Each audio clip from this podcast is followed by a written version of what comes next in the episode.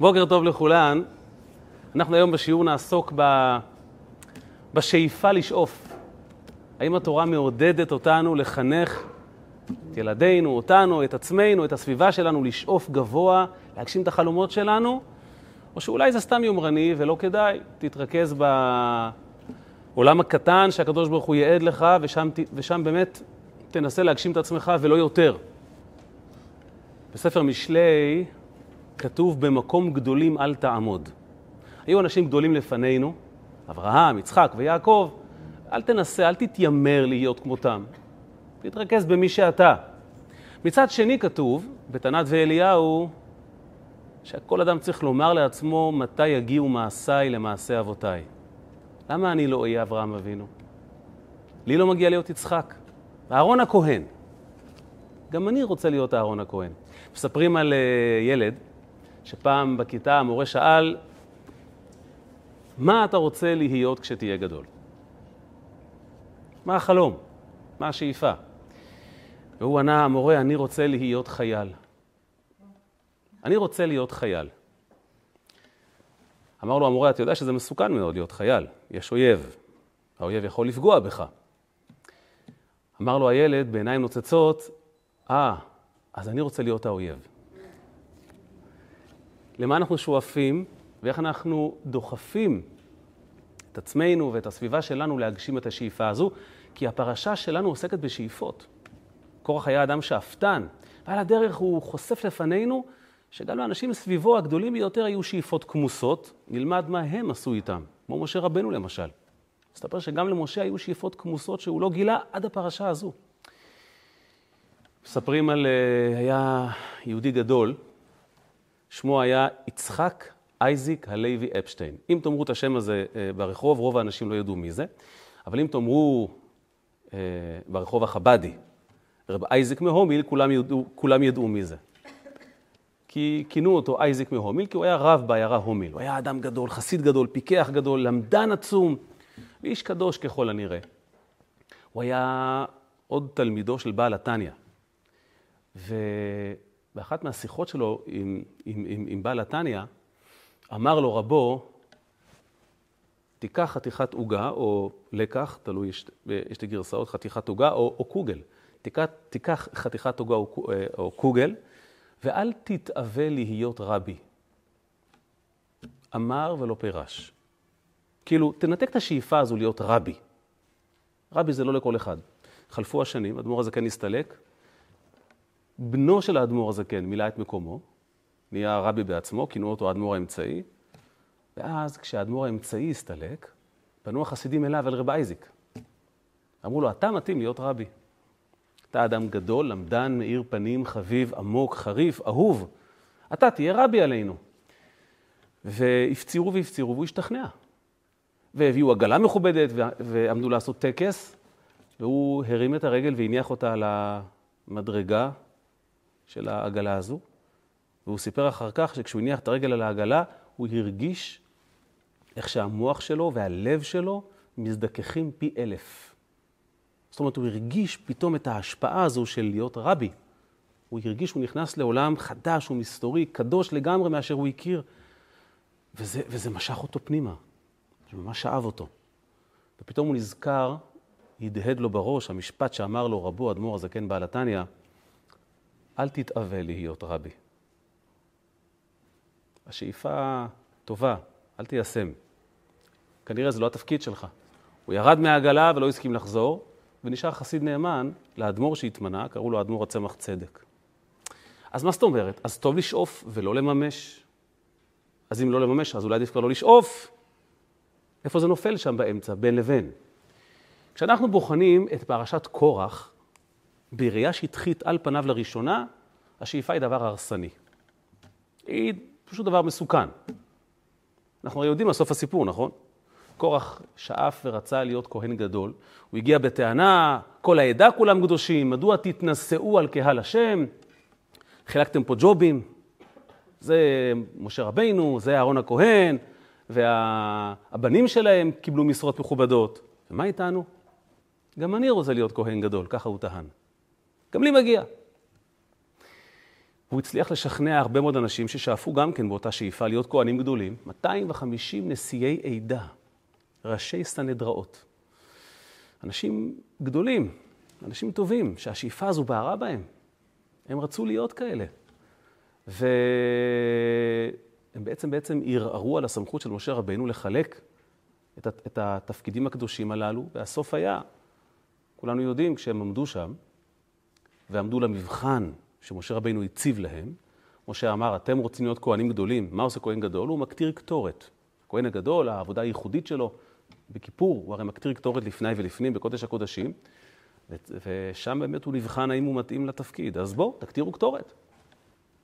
ואז עמדו 250 ראשי סנהדראות, ובהתאם לשאיפה שהייתה להם, עמדו והקטירו קטורת, והאש שרפה אותם. הם פשוט אה, כלו שם, נשרפו, מתו. וקורח, שהוא עורר את כל העניין הזה, סיים בתוך האדמה. בלעה אותו האדמה. אז השאיפה הזו הובילה למקום לא טוב. אז למה לשאוף בכלל? אולי עדיף לדכא את השאיפה הזו ולא נגיע לאדמה, או לשריפה. בואו נעמיק קצת בסיפור ונגלה שהסיפור הזה יותר מורכב מאשר הוא נראה, ונגלה שחייבים ומוכרחים לשאוף. אתם יודעים, היה, הוא עוד חי, להבדיל בין קודש לחול, אמריקאי, הוא מהנדס, רונלד ויין שמו, הוא היום בן 88. בשנת 76, שני חברים שלו, צעירים ממנו, הוא כבר היה אז יחסית מבוגר, הוא היה אז בן 42, אמרו לו, בוא נקים סטארט-אפ. והוא הסכים. הם התכנסו במוסך של אחד מהם, וחתמו, הוא כתב, הוא ניסח את, ה, את טיוטת ההסכם. הם שלושתם היו אנשי אה, מחשב, הם עבדו בחברת אה, מחשבים, בחברת משחקים למחשבים, קראו לה אתרי. והם רצו להקים סטארט-אפ. אז הוא ניסח את, ה, את ההסכם, ונוסדה החברה. חלפו עשרה ימים. עכשיו כל אחד שם קצת כסף. זה מכר את האוטו, זה משכן משהו. הוא היה מבוגר מבין השניים, מהשלושה, וגם זה שיש לו מה להפסיד, כי היה, לו יותר נכסים מן הסתם, הוא כבר צבר משהו בחיים, והוא תפס רגליים קרות. והוא אמר, למה לי, בשביל מה להסתבך עם הדבר הזה? הרי אם זה לא יצליח, מי יודע מה ייקחו לי? ואלה חבר'ה צעירים, הרי לא יפסידו כלום.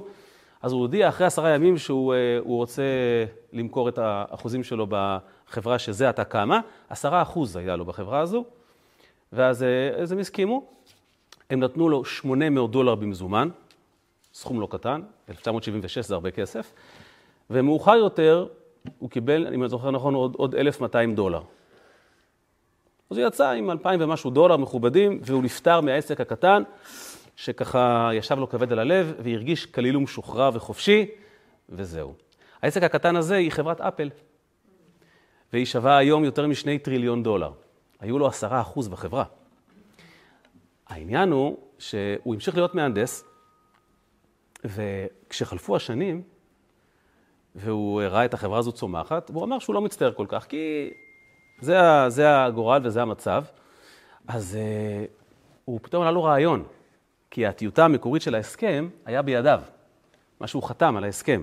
עכשיו זה הרי הסכם היסטורי, מן הסתם, מי לא רוצה את, ה, את הטיוטה המקורית שחתמו עליה שלושת המייסדים, כן, סטיב ג'ובס, סטיב ווזניאק והוא. אז הוא הציע אותה למכירה באתר למכירה פומבית.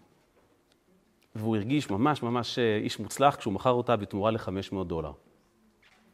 הוא היה מבסוט ומאושר. כעבור שנתיים, המסמך הזה נמכר במיליון סטרלינג באנגליה. והוא אומר, על זה אני מצטער. חברת אפל גדולה עליי, אבל על זה אני מצטער. אגב, האיש הזה המציא עשרות פטנטים בתחום המחשב, והוא לא הצליח ליישם אף אחד מהם, כי לא היה לו את הכסף לדחוף אה, קדימה את העסק. אסור לכבות את השאיפה, ואסור לפחד יותר מדי, וצריכים תמיד תמיד לרצות לדהור קדימה. אבל איפה עומד עובר הגבול? כמובן, יש הבדל בין קודש לחול. בואו בוא נעמיק קצת אצל קורח, בסדר? וננסה להבין קצת לעומק מה אנחנו מוציאים מכאן. מה, מה אנחנו לוקחים הביתה? לדחוף קדימה? לייסד את חברת אפל? או להגיד, עזוב, מה לך ולדברים הללו? אתה איש פשוט, אתה תהיה סנדלר, זה מספיק טוב. טוב, נחזור חזרה לקורח. מה הדליק את קורח? מה עורר את קורח להילחם במשה רבינו? תגיד לי, אתה באמת, נראה לך הגיוני, משה רבינו? הרי ראית, ראית את ההצלחה שלו, ראית שהקדוש ברוך הוא עוזר לו. מה, אתה, מה, מה, מה הסיפור? אז יש כל מיני הסברים מעניינים. בראש ובראשונה ההסבר הפשוט, כולנו הרי יודעים שהיו אה, היו ארבעה אחים. עמרם, יצהר, אתם זוכרים מי זה עמרם, כן? זה אבא של משה רבנו, נכון? היה עמרם, היה יצהר, והיה חברון ועוזיאל. כל הארבעה הללו היו בניו של קהת. קהת היה בנו של לוי, לוי בנו של יעקב אבינו. אז יעקב אבינו ילד את לוי, לוי הוליד את קהת. קהת הוא אחד מה, משלושת אבי, אבי המשפחה של, של לוי, גרשון, קהת ומררי. קהת היו המובחרים, ולקהת ארבעה בנים. עמרם, חברון, אה, יצהר ועוזיאל. זה עמרם, יצהר, חברון ועוזיאל. עמרם, אבא של משה ואהרון. הצלחה מסחררת. יצהר, אבא של קורח. לא שמענו על, אה, חוץ מקורח, לא שמענו על עוד אה, הצלחה שם, למרות שלימים כן יבואו הנכדים שלו, שמואל וכדומה. ועוזיאל דווקא כן שיחק לו קלף, משום שהבן שלו כתוב, הוא נשיא בית אב למשפחת, למשפחות הקהתי. מי מונה להיות מנכ"ל משפחות הקהתי אחרי, אחרי, אה, אחרי, אה, אחרי קהת ואחרי אה, עוזיאל? אליצפן, בנו של עוזיאל. אמר, אמר קורח, רגע, עצרו, עצרו, שנייה, שנייה, מה זה? מה? לא הבנתי. הבנים של עמרם כן, ושל עוזיאל כן, ואיפה אני? אני הבן של יצהר. לי מגיע. מה דילגו עלינו? כשחילקו את השררה ואת הכבוד ואת, ה, ואת, ה, ואת הדבר הזה, הוא אומר, מי ראוי ליטול את השנייה? לא השני, ואני בנו של יצהר. הייתי ראוי להיות על משפחתי נשיא. כך אומר המדרש. והוא עשה בנו של עוזיאל, קטן של אחי, של אחי הבא יהיה גדול עליי. אני לא מבין, משה רבנו הרי מינה את, אה, את הבן דוד שלי בתור מה? אין קדימה. אין, אין, אין, אין, אין זכות קדימה מי, מי ראשון. הרי אני חולק ומבטל כל מה שנעשה על ידו, לפיכך הייתה מחלוקתו. אומר המדרש, פשוט הקטע הזה של המשרות במשפחה, הטריף את דעתו והוא התפרץ. טוב, זה הגיוני, זה אפשר להבין. יש סדר, סדר זה סדר, גם על פיטוריי יש סדר. והדבר הזה לא מצא חן בעיניו. הסבר נוסף מעניין, כותב בעל התפארת יונתן, או כפי שאתם בטח מכירות אותו בשם רבי יונתן אייבישיץ. שאת רוב הספרים שלו כתבו אחר, אה, אחר הסתלקותו. ספר אחד שלו כתב בחייו, הודפס בחייו, רוב הספרים הנפלאים שלו נכתבו, הודפסו לאחר פטירתו. הוא אומר שני הסברים נורא מעניינים. הסבר אחד, אני פשוט חייב לקרוא את זה מבפנים, כי זה פשוט נפלא. כי, כי זה נראה שהוא, אה, כי זה נראה שהוא חבדניק. אגב, בואו ככה נתארך את זה, הוא חי בתקופת הבעל שם טוב. הוא נולד קצת, קצת לפני הבעל שם טוב, וחי בשנים הללו. נולד ב-1694 ופעל בשנים הללו. הוא כותב ככה: כי ידוע שתמיד יש בדור צדיק אחד שהוא מרכבה לשכינה וממנו שואף וזורח לכל העם. משה רבינו. בכל דור יש משה רבינו. יש צדיק אחד שהוא המקור, הוא החיבור של כל יהודי לקדוש ברוך הוא. כמו שכתוב, אין לקדוש ברוך הוא בעולמו אלא דלת אמות של הלכה. הפירוש הפשוט הוא שההלכה היא מקומו של הקדוש ברוך הוא. הוא אומר חידוש נפלא. מי הם דלת אמות של הלכה? הוא צדיק הדור, שהוא הלכה. וזהו עניין התכלת שבציצית. הוא אומר, יש בציצית פתיל תכלת, שכל שאר הפתילים סביבו, כמו הצדיק שכולם סביבו. ככה הוא כותב. אבל הם אמרו, קורח, אין צורך בצדיק אחד, רק כולם כיסא להשם. כולם קדושים, צריכים צדיק, צריכים משה רבינו אחד, צריכים רשב"י אחד, בעל שם טוב. לא צריך, כולם קדושים. כאומרם ובתוכם השם, ולכן לבש קורח טלית שכולה תכלת. לאמור, כולם, כולם צדיקים, לא צריכים רבי. לא צריכים. אתה צריך ממוצע בינך לבין הקדוש ברוך הוא? לא צריך. אתה ישירות פונה לקדוש ברוך הוא. אם אני מתרגם את זה לשפה חסידית, אז זה, אומר התפארת יונתן, וזה לפני שהמציאו את החסידות, שקורח בעצם היה ליטאי. אני אומר את זה בצחוק אבל, כמובן. לא צריכים צדיק, לא צריכים צדיק. הסבר נוסף הוא אומר, ולדעתי ההסבר הזה יותר ימצא חן בעיניכם, הוא אומר, כל המחלוקת החלה כי אשתו של קורח נכנסה ללחץ. מה קרה? ופה אנחנו רואים דבר, דבר, אה, דבר מדהים. תראו מה הוא כותב. קורח אדם גדול ממש אחרי משה ואהרון. לא ילד קטן קורח. בהיררכיה של עם ישראל אז היה משה, אהרון וקורח. וחשבה בליבה אשתו של קורח שילך בדרכי הפרישות כמו משה שהיה פרוש מאשתו. אוי ואבוי, אמרה לעצמה, אוי ואבוי.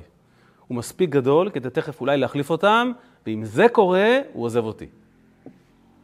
כמו שכתוב באלדד ומידד, הרי כתוב שהאנשים שלהם, ברגע שהם התנבאו, אז אה, אוי לנשותיהן שנעשו נביאים. ולכן הסיתה אותו למרוד במשה ולא לשמוע בקולו. הגדולה שלו, דווקא מהבית עמדה לו לרועץ. אשתו לא אהבה את השאיפה הזאת שלו. זאת אומרת, השאיפה עצמה הייתה טובה. אשתו אמרה, אתה אל תלך, אתה אל תהיה לי משה רבינו, אני צריכה בעל. מספיק אה, משה אה, ממנכ"ל את עם ישראל, אתה תשאר בבית. בכל מקרה, על פניו, כשאתה בוחן את הסיבות הללו, השאיפה של קורח הייתה פסולה. או כי זה הלחיץ את אשתו, או כי, כי הוא חשב שמשה עשה פה שיקולים זרים, או כי הוא רצה להיות כהן גדול. לכן, בפשט הפשוט, כשאתה שומע קורח, נהיה לך לא טוב. לא טוב. במקום גדולים אל תעמוד. מה אתה מפתח שאיפות כאלה? מה אתה... יש כהן, יש הקדוש ברוך הוא, תשאר בפינה שלך, תממש אותה, ותהיה שם כמו שאתה. וזהו, ושלום על ישראל. אז לפי הקו הזה, כדאי לדכא שאיפות שהן קצת גדולות עלינו.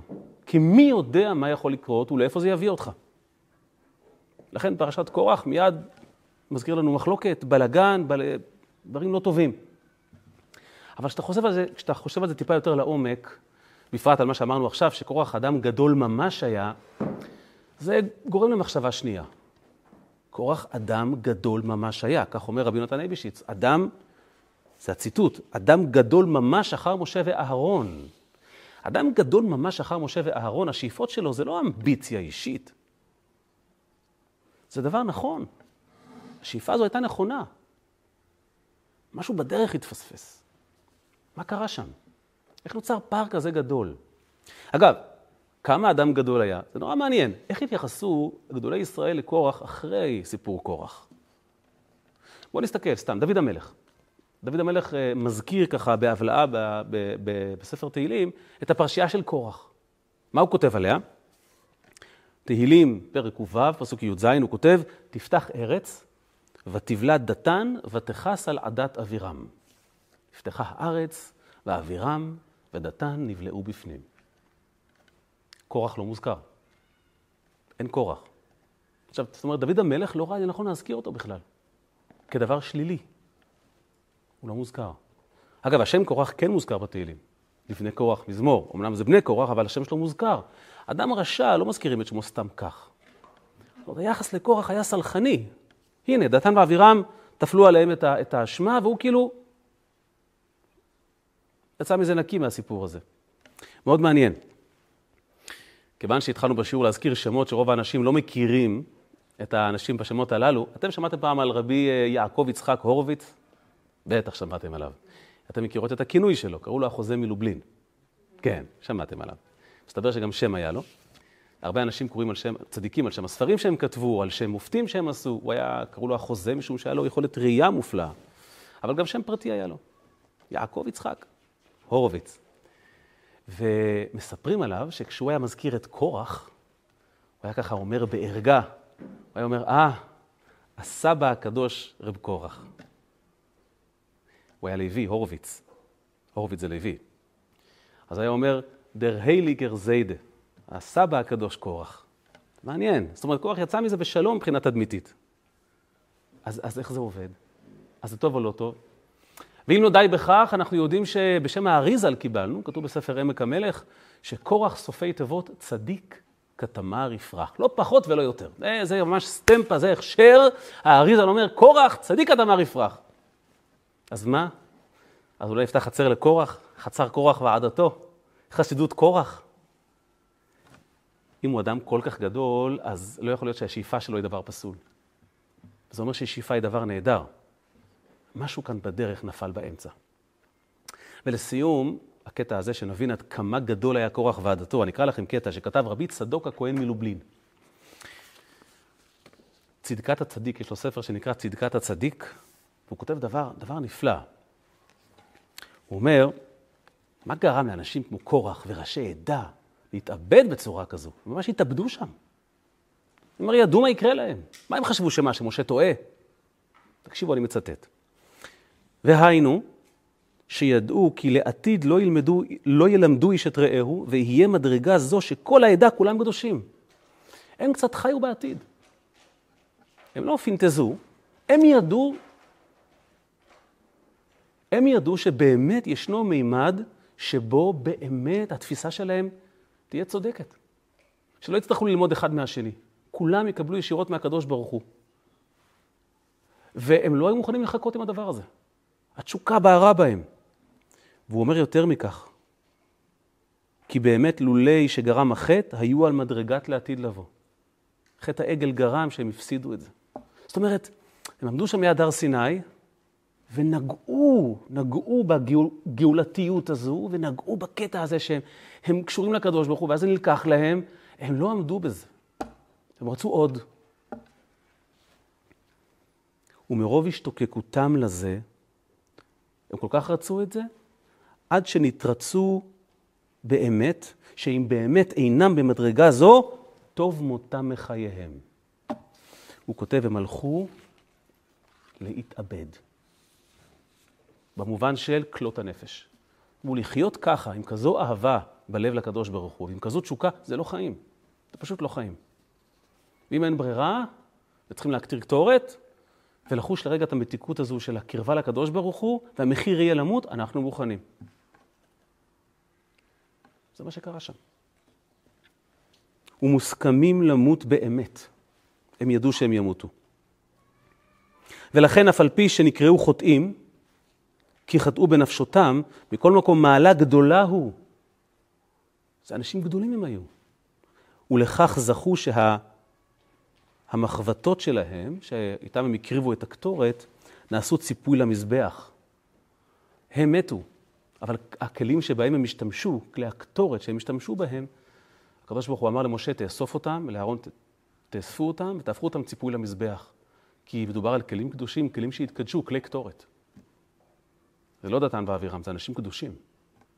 אתם מבינים? הם פשוט הלכו על זה בעיניים פקוחות, ביודעם שהם יחטפו. אבל אמרו, לחיות ככה אנחנו לא מוכנים. זה, זה לא חיים. אה? או, אז גם פה אתה רואה, יש פה סוג של איזה מין אה, סתירה כזו. זה לא היה בשליטתם. לא היה. הבאת להם את הר סיני לרגע, לקחת להם, לקחת להם את זה. הם לא עמדו בזה. הם לא עמדו בזה, הם פשוט לא יכלו. אז הוא אומר, הם נקראים חוטאים בנפשותם, אבל הגדולה שלהם והמעלה שלהם הייתה אדירה. וקורח הוא זה שאחראי על כל המהלך הזה. ואז אתה שואל את עצמך ואתה אומר לעצמך, אוקיי, אז המעשה הוא לא טוב, השאיפה היא כן טובה? אז, אז איך אנחנו שומרים על האיזון הזה בין, בין לשאוף גבוה כל כך ולהישאר שפויים? בעצם, בעצם הרבי אומר, הרבי מנסח את השאלה הזו ככה. הוא אומר, תראה, אני יודע כבר שבתורה יש את, ה, את הנגלה שבתורה ואת הפנימיות שבתורה, את הגוף של התורה ואת הנשמה של התורה. אני יודע שעל פי הפשט קורח היה פושע ועבריין. אני יודע גם שעל פי הפנימיות הוא היה צדיק גדול, מה שהאריזל אמר וגדולים לפניו. אבל איך יכול להיות כזה פער בין גוף לנפש? איך אפשר לחיות עם שהנפש במקום כל כך קיצוני אחד והגוף במקום אחר? תחשבו על זה שהפרשה של קורח בפשט זה הגוף. והגוף הזה הוא חוטא. וקורח נענש ונבלע באדמה, אבל נפשו קדושה וטהורה וגבוהה כל כך, עד שזכה שיהיה לו כאלה נכדים כמו שמואל והמשורר הימן. כן, ודאי. לא, לא, זה בסדר גמור. זה בדיוק, בדיוק הסתירה. כשאתה קורא את הפשט, זה נראה כאן באמת באמת מריבה על כיבודים, על שררה, על, על משרה, אבל כשאתה יורד לעומק ואתה אומר, אם זה הבן אדם, באמת אכפת לו מכבוד? וזה בדיוק הסתירה. איך אתה מנהל כזה דבר שמצד אחד השאיפה מובילה אותך למעשים שנראים כל כך כל כך בזויים, בשעה שאתה יודע שהנפש במקום טוב. היא שואפת לקדושה, להתקללות, ל... האיזון פה הופר. איך אתה שומר על האיזון הזה?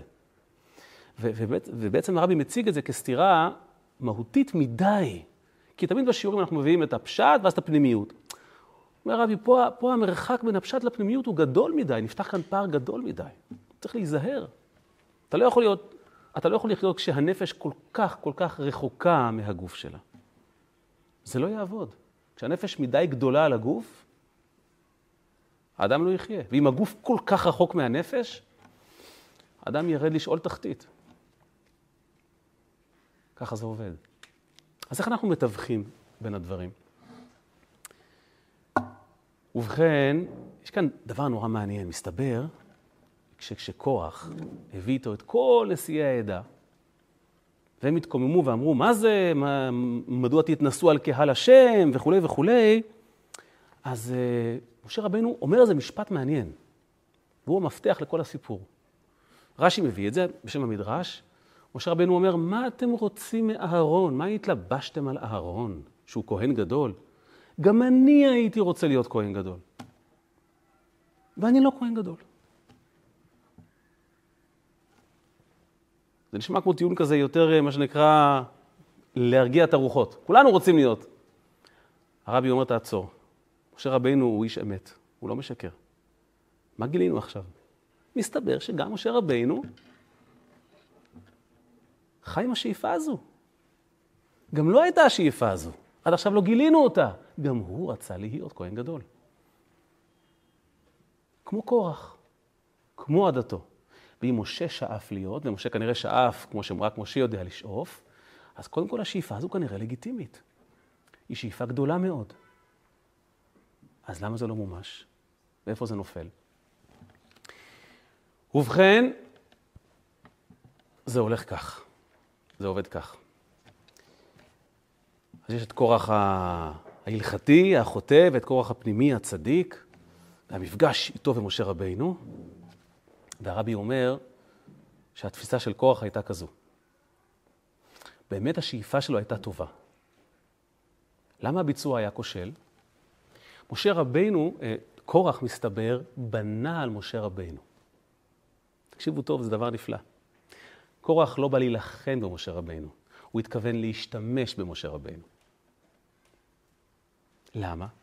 הוא ידע שמשה רבינו, יש לו יכולת השפעה אדירה על הקדוש ברוך הוא. הוא ראה במו עיניו את משה רבינו משנה סדרי בראשית. הוא ראה במו עיניו את הקדוש ברוך הוא עומד לגזור כליה על עם ישראל, ואז בא משה רבינו ומאלץ את הקדוש ברוך הוא כביכול, לא רק לבטל את הגזרה, אלא עוד לצ'פר את עם ישראל. אני ראיתי בעיניי. אני ראיתי שמשה רבינו, כשהוא גוזר, הקדוש ברוך הוא מקיים. אז אולי משה רבינו הוא הדרך לממש את השאיפה שלי. אני אלך אליו, אני יודע שזה לא בסדר, כי יש כבר כהן גדול, אבל אם אני אלחץ עליו ואני אפציר בו, אולי התפילה שלו וה, וה, והקדושה שלו והקרבה שלו, הוא הרי יזדהה איתי. גם הוא רוצה להיות. אולי הוא ישכנע את הקדוש ברוך הוא. ואז באמת גם אני אזכה להיות כהן גדול, ואזכה לממש את השאיפה הזו שלי. תפיסה מדהימה. הוא הגיע אל משה בעצם לבקש בקשה, משה, אני יכול להפליג קשרים? אנחנו הרי בני דודים, לא? אתה צדיק הדור. אתה יש לך קשרים עם הקדוש ברוך הוא, תעשה לי טובה. דבר איתו. זה מזכיר לי, שמעתי פעם, היה, היה חסיד גדול, קראו לו יעקב יהודה הכט. הוא עוד היה בימי הרבי הקודם של חב"ד פעיל גדול, ואחר כך, אתם תמיד תראו אותו בווידאו של ל"ג בעומר מהתהלוכה, הוא תמיד מנחה את התהלוכה. אה? כן, כינויו ג'יי ג'יי. הייתי אומר ג'יי ג'יי, חושבים שזה זמר, אה, שזה זמר ראפ. אז אה, נכון, כינו אותו ג'יי ג'יי, כי זה יעקב יהודה. והוא סיפר שבתשי"א, 1951, כשהרבי מלובביץ', שהוא מסביר את ההסבר הזה, קיבל על עצמו את הג'וב להיות רבי, אחרי שהתחננו ולחצו, הוא לא רצה. אז uh, ניגש אליו יהודי שהוא הכיר, הוא אומר שם את שמו. הוא היה איש לבבי מאוד, לא חבדניק, איש עשיר, וחם כזה, יהודי ככה עם לב חם. הוא, אה, נראה לי שקראו לו שלום. הוא ניגש לרבי ואמר לו, רבי, עכשיו כשאתם רבי, עכשיו שקיבלתם את המינוי להיות משה רבינו, הרי הקדוש ברוך הוא יקשיב לכל מה שתבקשו. למה שלא תכתוב, תכתוב לקדוש ברוך הוא מכתב? ותבקש במכתב הזה שלכל עם ישראל יהיה כסף ופרנסה ובריאות וכל טוב. הנה, אתה, אתה רבי, פשוט תכתוב. אז הוא אומר שהרבי נאנח, הנחה כזו, וענה לו ככה ב... בכנות אמיתית, הוא אמר לו, אוי, לו יכולתי לכתוב מה שאני רוצה, הייתי כותב לקדוש ברוך הוא, שייקח ממני את הג'וב הזה. ככה רבי אמר לו. קורח הגיע למשה רבינו כי הוא, כי הוא רצה עזרה ממשה רבינו. מה שהוא לא ידע זה ש... שמשה רבינו אומר, תקשיב, גם אני רוצה. לו רציתי להפעיל קשרים, אז אני לפניך בתור. אבל אני לא עושה דברים שהקדוש ברוך הוא לא רוצה אותם. זאת הבעיה. שאיפות הן דבר נהדר, אבל הדרך להגשים אותם חייבים או חייבות לעבור דרך הרצון של הקדוש ברוך הוא. זאת אומרת בעצם כך, כשיש לנו שאיפה או אמביציה למשהו, הרי מי שם לנו אותה? הקדוש ברוך הוא. אדם נולד עם איזה אה, משיכה למשהו. זה אומר שהדבר הוא טוב. קודם כל זה אומר שהדבר הוא טוב. לא צריכים לדכא אותו.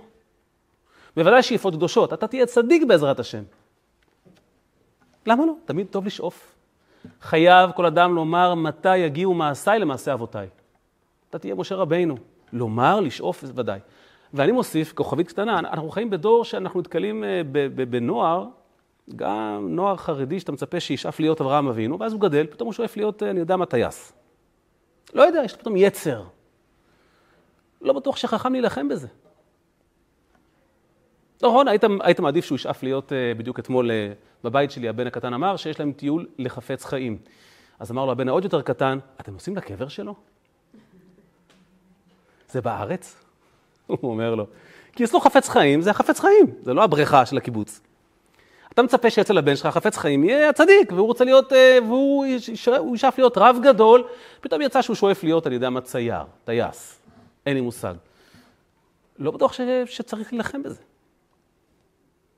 כי אולי זה מין יצר נפשי שיש לו, שאיפה שיש לו. ואתה תילחם בזה, אחד מהשניים. או שהוא לא יקשיב לך, או שהוא כל החיים ירגיש שהוא ויתר והקריב לטובת העולם והיקום. אין צורך. זה לא, זה לא חיים בצורה הזו. מה הדרך הנכונה? הדרך הנכונה היא לומר לכל אדם, תקשיב, טוב שאתה שואף, זה מצוין ומעולה, זה אינדיקציה אלוקית לכך שיש לך איזה קשר לעניין הזה כלשהו. זה הקטע הטוב של קורח. עכשיו, המימוש, פה תיזהר. איך אתה מממש את זה, פה תיזהר. כי אם המימוש לא יהיה בצורה שבה הקדוש ברוך הוא רוצה שזה יתממש, גם אתה יכול להפסיד, וחבל. יכול להיות שבכלל הכוונה היא שיש לך יכולות שיבואו בדור הבא לידי ביטוי, למשל, או בשלב יותר מאוחר בחייך. אבל אם אתה תעשה איך שאתה מחליט לעשות את זה, יש סיכוי שאתה תבזבז את השאיפה הזו, שהיא בסוף תפעל נגדך. אני רוצה לפתוח בית חב"ד, אני רוצה להחזיר יהודים בתשובה בלי סוף. יופי, נהדר, איפה? בעיר פלונית. אוקיי, ואם כבר יש שם מקום כזה? אני אפתח לידו, מה זה חשוב?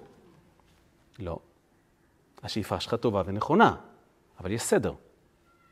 אבל אני מכיר, ואני מכיר את... הקדוש ברוך הוא קבע סדר בעולם.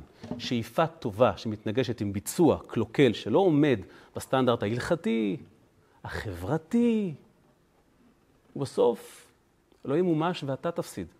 ולמה זה יגרום? למחלוקת ולבלגן. אני אהיה הרב הכי גדול. מקסים. אתה יודע אבל שבדרך צריך לעבור כמה שלבים, ולעבור ליד כמה רבנים. תיזהר לא לדרוך יותר מדי על אנשים בדרך. בזהירות. ואם יש חשש שאתה אולי דורך על מישהו, אז כנראה הקדוש ברוך הוא לא רוצה את זה. ואל תדאג, העולם מסתדר גם בלעדיך, אז תעשה את זה לאט. כי את המחלוקת זה לא שווה. הבן רוצה להיות טייס. פתאום בא לו ג'וק. אז תגיד לו, איזה שטויות מיץ עגבניות, אתה תהיה צדיק גדול. אז אולי באמת זה משובה חולפת, אולי זה לא. ואולי התשובה הנכונה היא, אוקיי, אוקיי, בסדר גמור. טייס זה חשוב. מי יטיס חסידים לרבי? אבל, תגמור את הישיבה קודם. כי בגיל הזה עכשיו לומדים בישיבה. יש מסלול. תגמור את הישיבה. תתחתן בעזרת השם.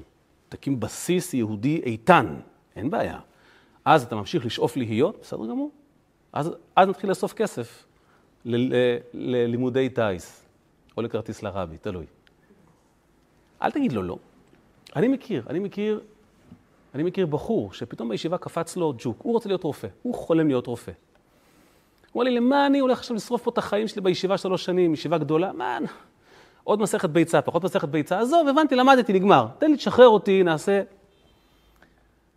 והוא הלך למשפיע שלו, כי כל אחד חייב שיהיה לו רב שידריך אותו, כדי שינחה אותו איך נכון לממש שאיפות. לא לדכא שאיפות, לממש אותן. ואמר לו הרב, תשמע, זה, זה רעיון מקסים, ממש מקסים. אני, אני, אני זוכר שאני נורא הופתעתי מהגישה, כי, כי הייתי רוצה שיגיד לו, איזה רופא, איזה שטויות. תלמד תורה. לא, זה רעיון מקסים. צריכים רופאים בעם ישראל. יופי נהדר. תגמור את הישיבה. בעזרת השם, תגמור את הישיבה, תהיה שנה, כמו שבחב"ד נהוג, תהיה שנה ב-770, תגמור את המסלול, תתחתן בעזרת השם, ואז אני אעזור לך. אני אדבר עם ההורים שלך, אני אעשה הכל שאתה תהיה רופא. שאיפה היא דבר טוב. שאיפה היא דבר שהקדוש ברוך הוא טמן בך, ולא צריכים לדכא אותו. צריכים לעודד אותו. אבל להיזהר מהמימוש. אם המימוש של השאיפה הזו לא יבוא כמו שהקדוש ברוך הוא מצפה, זה יתנפץ לך, אולי לא עכשיו, אתה תצטער על כך. ולכן הרבי אומר, תראו איזה מעניין, הפרשה נקראת קורח. לא היו קוראים לפרשה על שם אדם רשע. כי קורח בעצמו היה טוב. והשם של הפרשה, קורח, מדבר על השאיפה של קורח, כדי לעודד אותנו לשאוף. לעודד. כמו שכתוב, שכל נשמה באה לעולם, משביעים כל נשמה, תהי צדיק ואל תהי רשע. או, מה זאת אומרת תהי צדיק? אבל צדיקים הם ממש מועטים ובודדים. מה זה תהי צדיק? תשאף להיות, מה אכפת לך? תשאף להיות. רגע, אז אם השביעו את נשמתי לפי, לפי מה שכתוב בגמרא, להיות צדיק, אז אני רוצה לעשות ככה עכשיו עם העיניים, לפתוח חצר, לעשות קבלת קהל, לפקוד עקרות ולקחת הרבה כסף על זה. לא לזה הקדוש ברוך הוא התכוון. השאיפה טובה, אל תממש את זה כבר, אל תיקח את זה. תשאף לשם. היה והגעת ותבין מה זה, אנחנו בטוחים שתעשה את זה כמו שצריך. תיזהר מהמימוש. יש אנשים שחושבים שהם צדיקים.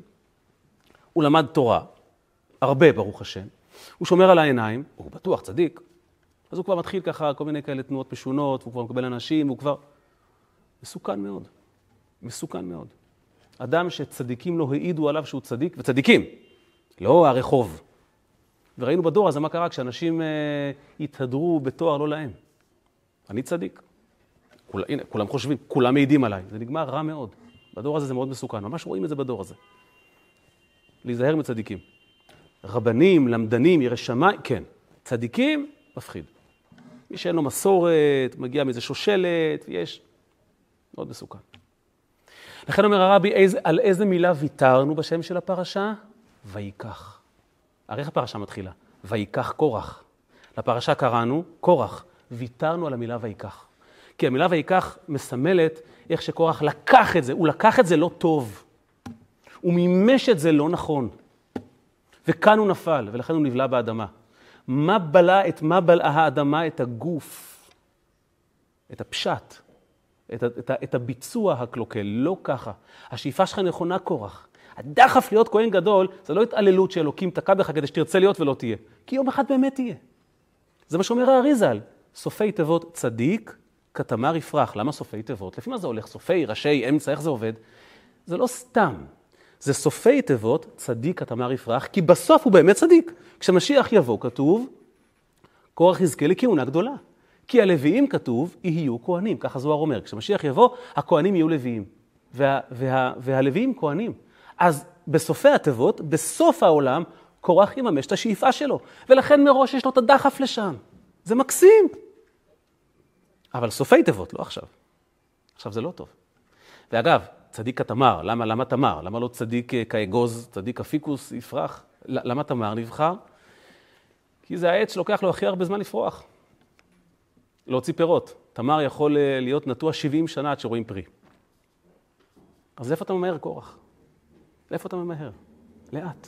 שמעתי פעם מהרב יואל קאן, מורי ורבי, עליו השלום, הוא סיפר, היה לו חבר, שכשהוא הגיע לניו יורק ב-1950, היה לו חבר שכבר היה שם לפני, והוא, והוא סיפר לו את זה כך. הוא אמר לו, כשפרצה מלחמת השחרור ב-48, נורא רציתי לחזור לארץ להילחם. היה כזו התעוררות של להגן על המדינה. הייתי בניו יורק, וממש בער בי לתפוס, לתפוס אונייה ולשוט, לשוט ארצה. וככה נורא רציתי לממש את, הרצון הזה, אז נכנסתי ליחידות אצל הרבי הריאץ, הרבי הקודם. ואמרתי לו שאני ממש רוצה לנסוע להילחם, להגן על הארץ. אז הרבי אמר לו, שכיוון שאתה בישיבה פה, אז את... שב תלמד. תשאר ללמוד. יצאתי החוצה והלכתי סהרורי. איך אפשר ללמוד שיש מלחמה בארץ? למה, למה תוקי... יש לי שאיפה טובה, לא? למה, למה לקבע? למה, למה לתקוע אותי? תשחרר אותי. הוא הלך טרוד, ואז הוא פגש את חתנו של הרבי הקודם, הלא הוא הרבי שלנו. והרבי ראה שהוא ככה אחוז אה, שר אפים, אז הוא שאל אותו מה קרה. אז הוא אמר לו, אני רוצה לנסוע לארץ להילחם. ו... אז אמר לו הרבי, תשמע, תראה, אתה רוצה לשוט לארץ, להפליג לארץ להילחם, כדי לעזור לצבא, נכון? תאר לך, הוא אומר לו, שחייל שאומן להיות לצורך העניין שריונר, נניח, זה הייעוד שלו, זה אימנו אותו, זה הדריכו אותו, אז זה השקיעו בו, ואז עם פרוץ המלחמה הוא מחליט שהוא יביא תועלת הרבה יותר בתור צנחן, או בתור שייט, או בתור טייס. הוא פשוט קם, עוזב את, ה... את, ה... את היחידה שלו המשוריינת ועובר לחיל האוויר. תשמע, זה... זה ברמה יותר גבוהה, הוא מתנדב. שריון זה גיוס חובה, להיות טייס זה התנדבותי. ישימו אותו בכלא. אתה תעשה את תפקידך שהוכשרת לו. אתה אל תודיע, אל תחליט מה אתה רוצה לעשות. השאיפה שלך טובה להילחם. המימוש שלה חייב לעבור דרך הרצון של המפקד. כי הגנרל, המפקד, יודע כמה חיילים יש לו, באיזה גדוד, באיזה פלוגה, באיזה אוגדה, ואם אתה עכשיו מתחיל לעבור, כל אחד עושה, עושה מה שהוא רוצה, לא, ככה לא מנצחים במלחמה. אמר לו הרמ"ש, אז כינו אותו, את הרבי, אמר לו הרמ"ש, רבי מנחם שניאורסון, זה היה הראשי תיבות, הוא אמר לו, אתה חייל בצבא של הקדוש ברוך הוא, הוצבת כלומד תורה. בכך אתה עוזר לצבא לנצח. אתה רוצה לקום, להפליג לארץ ולהילחם? אחלה שאיפה, אתה מזיק. אתה תביא נזק. אז מה העניין? זה טוב שאתה שואף. עכשיו קח את השאיפה הזו, לעזור לעם ישראל במאבק שלו, ותתעל אותה ללמוד יותר זמן, ויותר ברצינות. וככה תעזור לצבא לנצח. השאיפה היא נכונה, השאיפה היא טובה. אם הקדוש ברוך הוא שם לך אותה, כנראה שיש לה איזשהו ייעוד. אבל תיזהר איך שאתה מממש אותה. היה חסיד גדול, קראו לו רבי נתן ווגל בלונדון. יהודי שפעל המון המון בשביל, אה, בשביל המוסדות של, של הרבי, של חב"ד, היה גם אדם עשיר והוא תרם מכספו מהונו, והוא ממש קידם לפתוח בית ספר לבנות בלונדון. כי לא היה מוסד כזה ראוי. והוא פתח כזה מוסד והוא השקיע בו, ואז אחרי שהוא פתח, קם לו מוסד מתחרה, חרדי, וכמובן שייבש אותו, ונורא נורא כאב לו הלב, אז הוא כתב על זה לרבי, או שהוא אמר את זה ביחידות, אני צריך להסתכל. וכאילו, מה, מה עכשיו? אז, מה, אז, אז, אז למה הייתה השאיפה? אז למה השקעתי? אז הרבי אמר לו, ומי אמר לך שכל המשימה שלך מראש לא הייתה לגרום להם לפתוח? זה לא, זאת אומרת, לך יש עוד המון דברים לעשות, אבל, אבל אלוקים ראה שזה לא זז. אז קיבלת משימה לפתוח. עכשיו, הם פתחו, והם מצליחים כי הם קינאו בך, שחרר. או, איך נדע באמת איפה הגבול? אסור להחליט לבד. אסור להחליט לבד. זה הסיבה שהרבי כל כך ביקש, כל כך ביקש, הוא אמר שזו בקשה נפשית שלו. תמיד, תמיד שילווה אותך רב. עכשיו, רב, זה לא אומר רב פוסק הלכה שילווה אותך. מישהו מבוגר, מנוסה, ירא שמיים, שמכיר אותך, ותמיד ישים גבול נכון בדרך למימוש השאיפות, הוא לא יעצור אותך.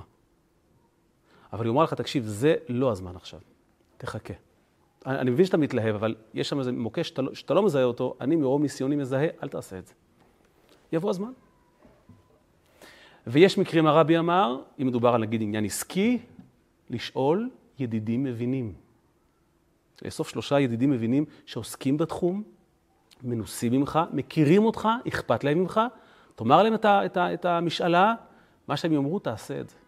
וכמובן שתמיד חסידים כתבו לרבי בעצמו, הוא ענה תשובות. ו- ו- ולעיתים הוא עצמו ענה להתייעץ עם שני רופאים, עם שני עורכי דין, עם שני מומחים. עשה לך רב, שאל את הרב ביישוב מה הוא אומר.